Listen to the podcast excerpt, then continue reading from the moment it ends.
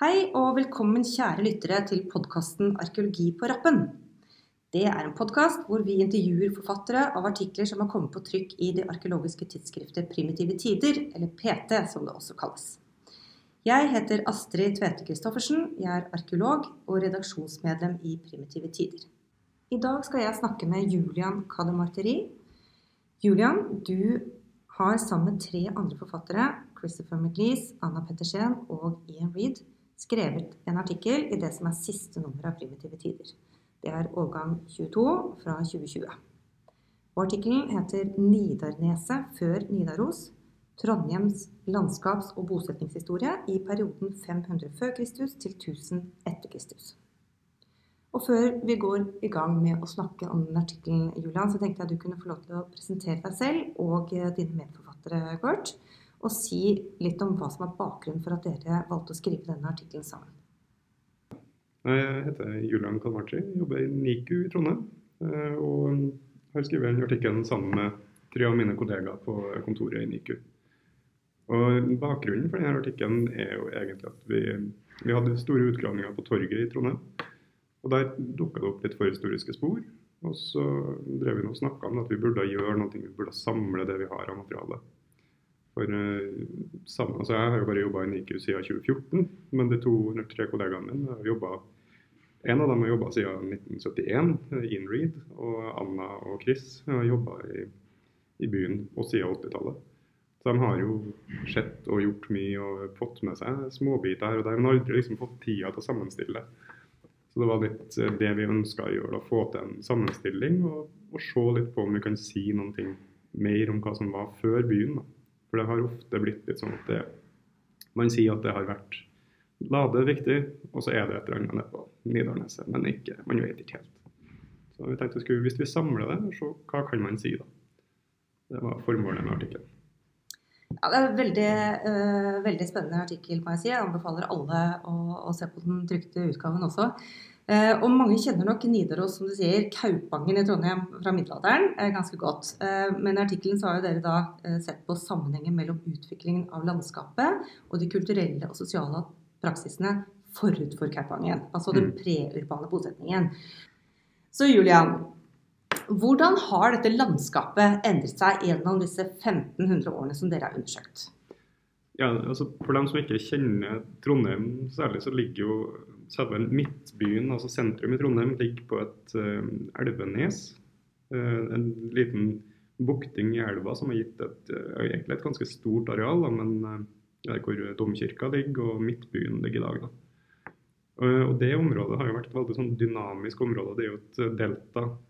så det er jo, alt er jo elveavsetninger som da har kommet opp av havet ved, ved landhevinga etter hvert. Men uh, i den tidligste perioden, som vi har, altså i bronsealder og uh, førromersk jernalder, så er landskapet veldig annerledes enn det er i dag. For da går elva uh, Nå gjør den jo en sving, men tidligere så virker det som at den har gått mer rett ut i fjorden. Men i løpet av det første århundret etter Kristus så går det et stort leirskred som legger seg over de, de sørligste delene jo, sørligste delene av Nidarneset, der hvor domkirka ligger. Og de, det leirskredet er opptil tre meter tjukt på, i noen partier. Og det har jo både forandra landskapet på Nidarneset veldig mye, men det har sannsynligvis òg påvirka elva. Så at etter det leirskredet så begynner elva å bevege seg vestover. Og da har den da egentlig spist opp store deler av det arealet som kanskje var tilgjengelig i bronsealder, hvor det kan ha vært bosetning. Det vet vi jo ingenting om. Mm. Men under det leirskredet så er det påvist ei gravrøys fra førromersk jernalder. Og så er det noen kokegroper som er funnet, det to, to kokegroper som er funnet på det, det høyeste områdene, men under leirraset. Som er datert til bronsealder. Slutten av bronsealder. Mm. Ja, Det er veldig fint at du, du kommer inn på det. For i denne artikkelen deres har dere eh, på en veldig fin måte eh, latt oss lesere og, og lyttere følge Eh, utviklingen eh, i landskapet sammen med de sporene dere ser arkeologisk. Og da er vi jo nå på bronsealder og førromersk eh, jernalder. Hva, hva er det dere ser der av det, av det arkeologiske materialet? Vi har jo veldig lite, som sagt. Det er den, der, er den gravrøysa, så er det noen kokegroper og ja, to kokegroper som er datert til slutten av bronsealder. Og så er det gravrøysa og en del mindre kokegroper som har datering til førromersk jernalder. Og så er det jo en, en markoverflate da, som er forsegla under det her raset. Mm. Hvor man, Det er paleobotanikerne som har analysert materialet der for å si at det her er en, en åpen uh, engvegetasjon som det har vært beita. Så det, vi har indikasjoner, og vi har noen få spor, men det er veldig lite i de tidligste periodene. Så hopper vi noen eh, år frem til romersk jernalder og folkevandringstid. Der ser du også noen spor og også noen endringer i landskapet. Kan du si litt om det? Ja, det er jo etter at det her leirraset stabiliserer seg, at det blir tørt land og det blir, det blir fast, fast, grunn av denne kvikkleira, så virker det som at folk ganske kjapt kommer tilbake og begynner å bruke uh, Nidarneset. Og da har vi dyrking av kokeropa på toppen av uh, det her leirraset, men òg uh, vi har veldig mye mer aktivitet i strandsonen, for da har landhevinga gjort at hva blir, sjøen ligger enda lenger nord. Da. Du har en sånn stadig utvikling hvor mer og mer av denne landstrakte øra da, egentlig blir tørt land. Ja, Så du får, mer, du får utnytta mer av nordlige deler. Ja, mm. og der har vi en stor konsentrasjon et stor konsentrasjon er det jo ikke, men til å være i en by så er det en stor konsentrasjon av kokeroper. Og jeg tror Ved siste opptelling, når vi har hatt noe mindre gravinger igjen, og mener jeg kom fram til at det var 56 eh, dateringer til romertid i det området som da ligger helt ut mot sjøen i den tida. Så der har det foregått noe slags samlinger, kanskje. Eller eh, at de har vært Om det er bare det at de har samla seg der og brutt eh, ressursene som er i fjæra. En del av det kokeropene er det en del skjell i, f.eks. Eller om det er noe sånt de har samla seg for å fiske laks. Det går jo laks opp Nidarøy, det vet vi ingenting om. Men det kan jo være at det her på en måte er en sånn type rituelt eller politisk samlingssted type. Det man etter hvert får av det ting organisasjonen. Det vet vi jo veldig lite om, og vi kan egentlig ikke si noe sikkert. Men, men Nidarneset er jo en sånn eh, plass som kanskje kunne vært en fin plass å samle folk. Mm. Og det har det jo med, med Lade, som ligger rett ved sida av, har jo sannsynligvis hatt en sånn uh, Aksel Kristoffersen, som har jobba mye med det her, da, han mener jo at Lade er en sånn eh, stapelplass, og at den kanskje òg er på Nidarnes etter hvert. Men om det er en kontinuerlig utvikling, eller om det har brudd, eller om det er ting som starter opp og stopper, eller om det er noe helt annet, det er det vanskelig å si. Men det er jo påtakelig at vi har de her kokeropene, og noen av dem er veldig store, i et område hvor det i middelalder er et tingsted. Mm. Du, kan du si litt om noen sjeldne funn, eh, noen importerte gjenstander som dere har uh, vurdert i dette? Ja, det kan jeg gjøre. Uh, på, på Erkebispegården så ble det funnet en eh, del av ei romersk ribbeskål i glass. Uh, av en Det er noe lignende fra hundgravfeltet, mener jeg. Og så er jeg litt usikker på hvor det er flere men det, det, er jo ikke sånn veldig vanlig funn.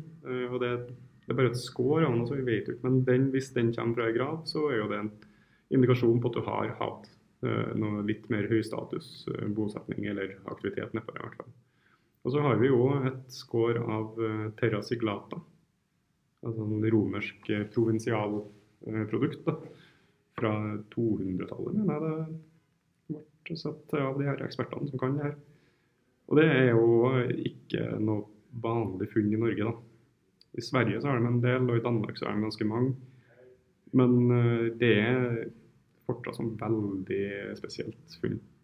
Og det skal, ifølge gamle opplysninger da, fra 1700-tallet, så skal det være funnet ei tilsvarende terrasiglata-skål på Egge ved Steinkjer, som var et sånt uh, sentrum som har veldig rike funn. Men uh, vi har de her to funnene i, i bygrunnen som er, er, veldig spennende. Men det, igjen, som med alt annet, så er det liksom fragmenter og småbiter vi har. da, så hvor mye man skal legge i det, det er jo litt sånn, kan jo diskuteres. Mm. Noen tar det til bevis for at det her har vært liksom et maktsentrum i romertid. Men ja, det er vanskelig å si. Og særlig det terrasiglata-skåret som er funnet i, i et uh, middelaldersk dyrkningslag. Det er det litt vanskelig å si om det er det noe som har kommet i middelalder, eller er det, er det et funn som har vært deponert på stedet. Mm. Men det er jo utrolig spennende at vi har dem, selv om det ikke er så enkelt Ja. Helt klart. Og da har vi kommet til eh, litt videre tid, det vi kaller mero- merovingertid og vikingtid. Eh, hva er det dere ser da, Luan? Jo, I merovingertid så begynner vi å få litt mer sånn sikre spor. Da har vi det her kokegropsfeltet ned mot eh, sjøen. Det, det fortsetter, men det beveger seg litt østover, da, konsentrasjonen. Så den beveger seg mer mot elva, der det tidligere har vært konsentrert ut mot eh, sjøen og fjæresonen. Så har vi, vi har ett sikkert gravfunn eh, som er gjort på 30-tallet, mener. Eller 20-tallet, kanskje. da. Og Det skal da være ei ubrent mannsgrav med en eh, skramma saks, en våpenkniv. Og så er det òg funnet ei ringnål i det samme området eh, ved en kloakkgraving. Og når de bygde eh, ei skole der på det er vel 50-tallet, tror jeg, så fant de en spydspiss som òg typologisk kan dateres til merovingertid. Men det, det er fortsatt litt sånn uklart med en del av de funnene. Men den der skrømmesaksen skrømmasaksen er funnet i ei lita røys da, som ble gravd fram på gamle Esedals bryggeris tomt. Mm. Og det kan jeg si at De har en magasinrevisjon på Vitenskapsmuseet nå. Og Da har de gått gjennom en del gamle funn fra byen. Og Da var det en av eh, de studentene som var inne og jobba der, som fant en ny en sånn konisk eh, spenne. Som òg er en eh, klassisk pervingertidstype. Så det, det begynner å bli mer og mer funn fra det her området som da egentlig strekker seg fra like nedom domkirka og så ut til Vitenskapsmuseet til dem som er kjent i Trondheim, men utover mot Kalvskinnet, så vestover. Så det har nok vært et lite gravfelt der. Og der har vi jo ja, vi har litt, eh, litt stolpehull og litt eh, kokegroper og grøfter og sånn, men det er ikke noe sånn Vi har ikke noe veldig sikre hus og sånne ting ennå, men Men dere har funnet noe ardspor, har dere ikke det? Aidspor har vi ganske mange av. Mm. Og vi har òg en, del, eh, en del veldig gode analyser av eh, paleo ja, makrofossiler. Da. Og vi har hatt et veldig tett samarbeid med ei som heter Paula Sandvik, som var veldig aktiv i Trondheim. De jobba på Stavanger museum. Eh, Så hun og Anna har sett på det her med utviklinga av vegetasjon på Nidarneset. Og de ser da det i, når de har gått gjennom og sammenstilt da, makroprøvene, at det er en, et veldig skifte da, i merovingertid, eh, vikingtid, som går over til at det blir veldig mye mer dyrka mark. Mm.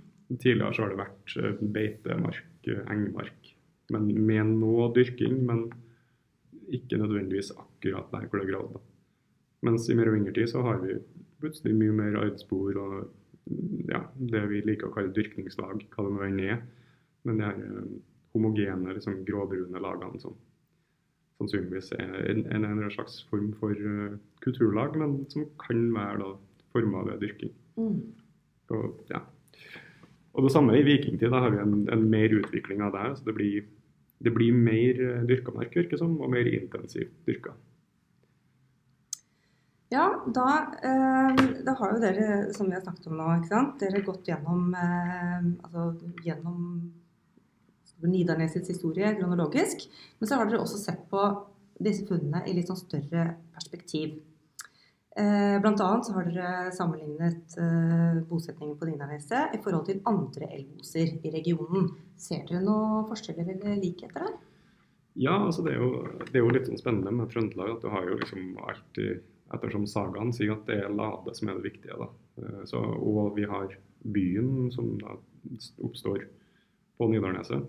Eller anlegges på Nidarneset, det kan man jo krangle lenge om hva det er som skjer. Men det er det mange som har gjort, for så vidt. Men eh, det har jo ført til at det har vært veldig fokus på eh, Trondheim og Nidarneset.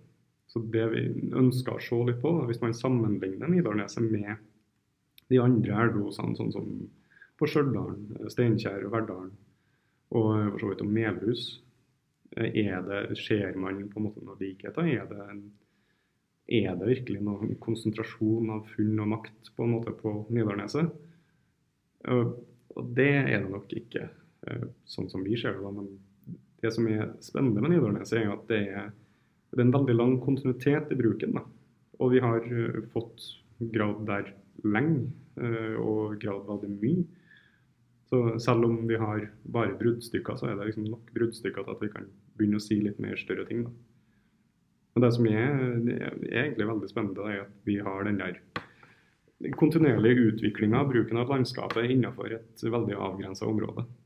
Mens ved de andre elveosene så er det, de blir veldig mye påvirka av enten naturhendelser som leirskred, eller at uh, elveosen flytter seg veldig mye. Som f.eks. i, i Namdalen så er jo det et problem at uh, når uh, landhevinga fører til at elveosen flytter seg utover i dalen, så blir det plutselig kjempestore avstander. Du må flytte eh, maktsenteret, hvis man skal ha, bruke det ordet. men det er liksom det som er knytta til elveosen, de funksjonene må flyttes hele tida. Mens i Trondheim så er det fortsatt elveos der hvor det var elveos i bronsealder. Det har bare flytta seg et par hundre meter, en liten kilometer. Mm. Og ja Vi har jo en del funn, som sagt, men det er litt sånn vanskelig å si at det er noe, noe spesielt på Nidarneset, annet enn de, de kokegropene som vi har. Men det er jo, kan jo diskuteres om det er spesielt. for jeg tror Hvis man har gravd på de andre elvene, så har det sannsynligvis vært masse kokeropper der òg. Mm.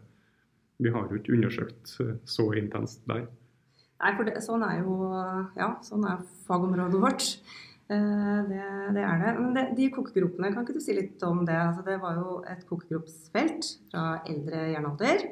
Eh, og så er det jo dette tinget, ja. Eh, som har vært diskutert mange ganger. Har du lyst til å si litt om det? Ja, jeg kan jo jeg kan prøve i hvert fall. Nei, det, det, er jo de kokeropene vi har. Da. Vi har alt fra de her standard små eh, kokeropene til uh, noen kokeroper som ser ut som de har vært opptil fem meter stor og kvadratisk. Og, eller rektangulære. de. Og fôra med leire. Så vi, vi, skjønner ikke helt funksjonen på dem ennå. Men de har åpenbart ligget i strandsonen, for det er vannavsatte lag som har fulgt dem eh, vannavsatte og kanskje vindblåst sand. Da. Det har ikke helt fått eh, ja, mikro, eh, mikromorfologifolkene vil ikke helt si akkurat hvilke prosesser det er som har foregått. da. Men eh, det har i hvert fall vært naturlige prosesser som har fylt igjen dem. Men de har denne konsentrasjonen, og de er store, og det er litt sånn spesielt eh, akkurat det. Vi, vi skjønner ikke helt funksjonen, som sagt. men jeg, jeg, liker jo å tro at kokeropa at det har noe med noen samlinger av noe, noe, slag. da. Men om man skal si at det er en forløper til tingstedet, eller om det er bare type familier, grupper som samles for å ja, gjøre hva som helst. Altså, det var jo en helt annen eh, kosmologi, kan man vel si. altså Verdensanskuelse. Så alt var jo blanda sammen. Politikk og religion. og og sånne ting på en, på en, annen måte enn det man da tenker seg når man ser på tingstedene i middelalder, da, som er mer en, en ja, politisk utøvelse. Mm. En gunstig beliggenhet er det i hvert fall? Veldig gunstig beliggenhet, og det er jo veldig sentralt i Trondheimsfjorden. Da. Det er jo sannsynligvis en av grunnene til at byen blir der etter hvert. da. Mm. Det er et veldig sånn, strategisk uh, område hvor man både kan kontrollere fjorden, uh, og da ha kontroll på dem som bor uh, innerst i fjorden, og ha kontroll på dem som bor ute i fjorden, som da må inn i fjorden for å få tilgang til de ressursene som finnes der. Mm. Og samtidig, så Hvis du da skal samle de her trønderne både fra Inn-Trøndelag og Ut-Trøndelag, så er det en naturlig plass da, å gjøre det. Ja, og så har jo dere også eh, berørte spørsmål som har opptatt både historikere og arkeologer opp gjennom tiden, og dette er det med eh, gården eh, i Nidarneset, eller på Nidarneset, som nevnes i sagelitteraturen. Mm. Eh, er det noe er det noe du har lyst til å si, noe nytt som har kommet opp eh, forhold til de vurderingene som har vært gjort tidligere?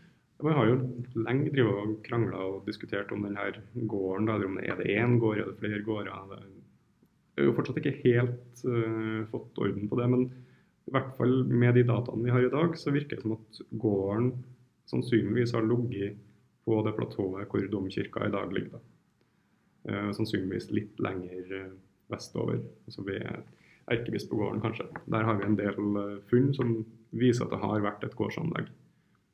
Men eh, ellers så har vi litt sånn spredte stolpehull og eh, dyrkningslag, eh, ardspor utover store deler av Nidarneset. Men vi har òg en, del, eh, del gjenstandsfunn fra eh, vikingtid som viser at det har vært eh, i hvert fall graver eh, ved domkirka, sannsynligvis. Det er funnet i spenne i borrestilen, eh, sånn skålespenne. Og en kniv og en spydspiss, hvis jeg ikke husker feil, ved gamle gravinger i domkirka. Så er det jo litt lenger nord på platået, ved det området hvor man da har tenkt seg at Skipakrok ligger, for dem som har lest om Kaupangen. Og der hvor det eldste urbane bebyggelsen oppstår etter hvert. Der er det òg funnet et par eh, gjenstander fra vikingtid som kan stamme fra graver. At det har vært et gravfelt der òg. Og det er, et, det er en sånn liten rygg da, som har gått eh, øst-vest på Nidarneset i det området. Så det er jo en naturlig plass å ha graver der òg. Og i hvert fall da, hvis man tenker seg at det har vært noe aktivitet eh, i det området hvor Kaupangen anlegges eller blir. Om det, om det er bare en plass hvor man har eh, lagt opp skipene mens man har venta på at eh, man skal samles, f.eks. Eller at det har vært en sånn lagerplass da, for varer som skulle skippes videre.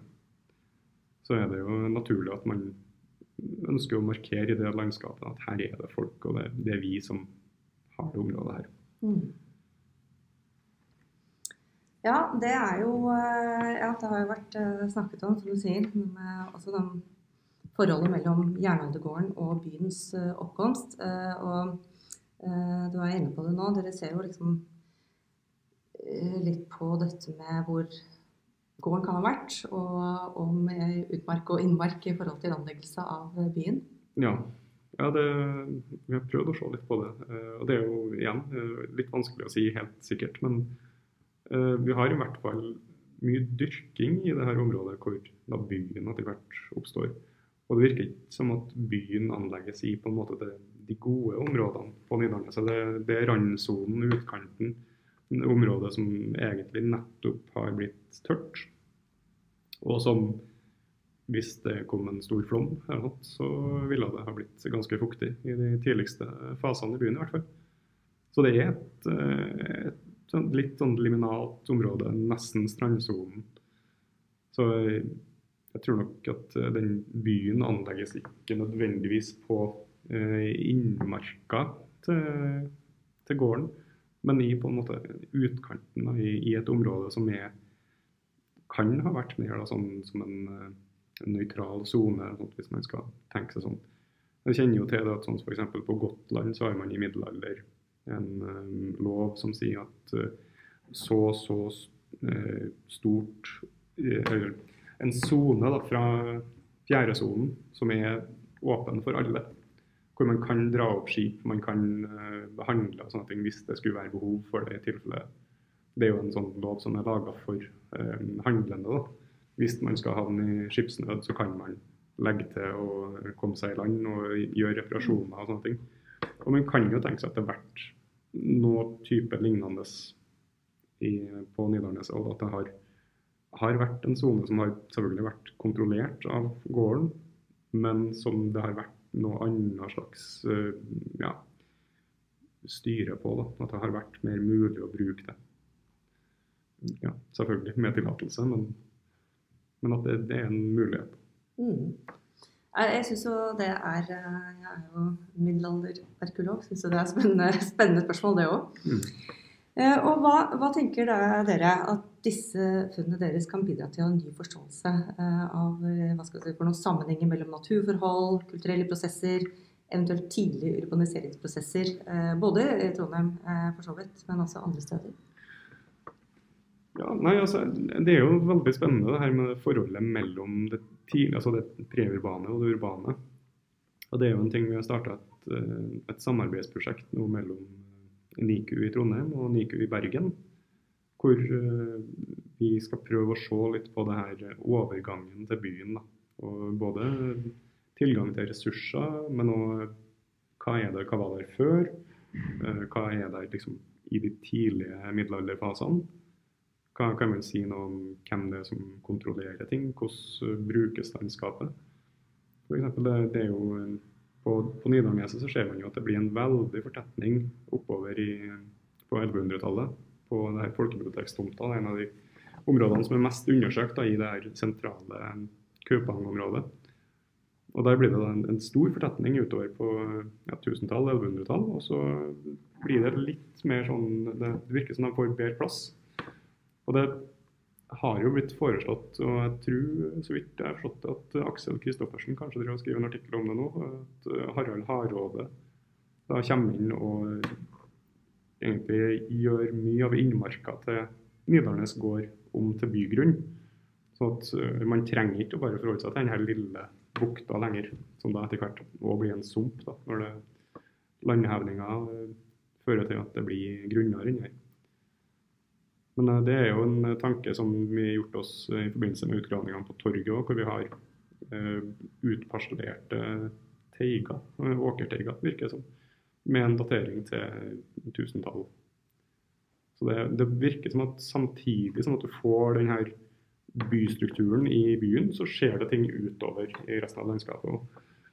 Så det, er, det henger veldig tett sammen, da, det jernalderlandskapet med bystrukturen.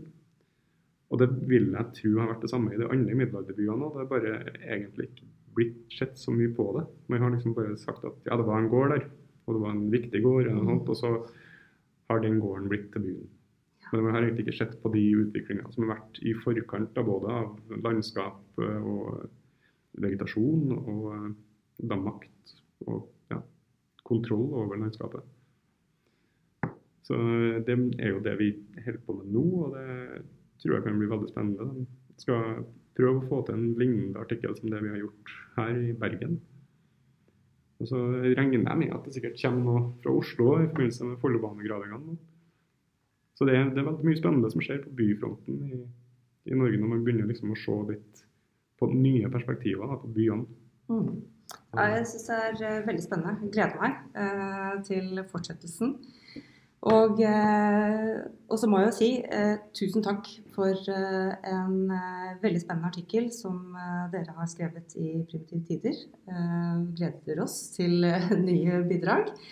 Og eh, tusen takk for praten vi har hatt i dag, eh, Julian. Og selv takk. Det var veldig hyggelig. Og for dere lyttere, flere detaljer finner dere naturligvis i den trykte artikkelen 'Nidarneset før Nidaros'. Den eh, finner dere i Primitive tider fra 2020. Og her finner dere da en gjennomgang av arkeologiske funn fra de ulike tidsperiodene, ledsaget av kart som viser høyvann, altså beboelige områder. Det syns jeg er utrolig illustrativt, eh, sånn at man kan følge med eh, altså visuelt. Mm. Og det viser hvordan menneskene levde i samspill med de naturtopografiske forandringene. Artikkelen ligger fritt tilgjengelig, gratis, på Primitive Tider sine nettsider på UiO Fritt. Så da gjenstår det for meg å si tusen takk for nå og velkommen tilbake til Arkeologi på rappen.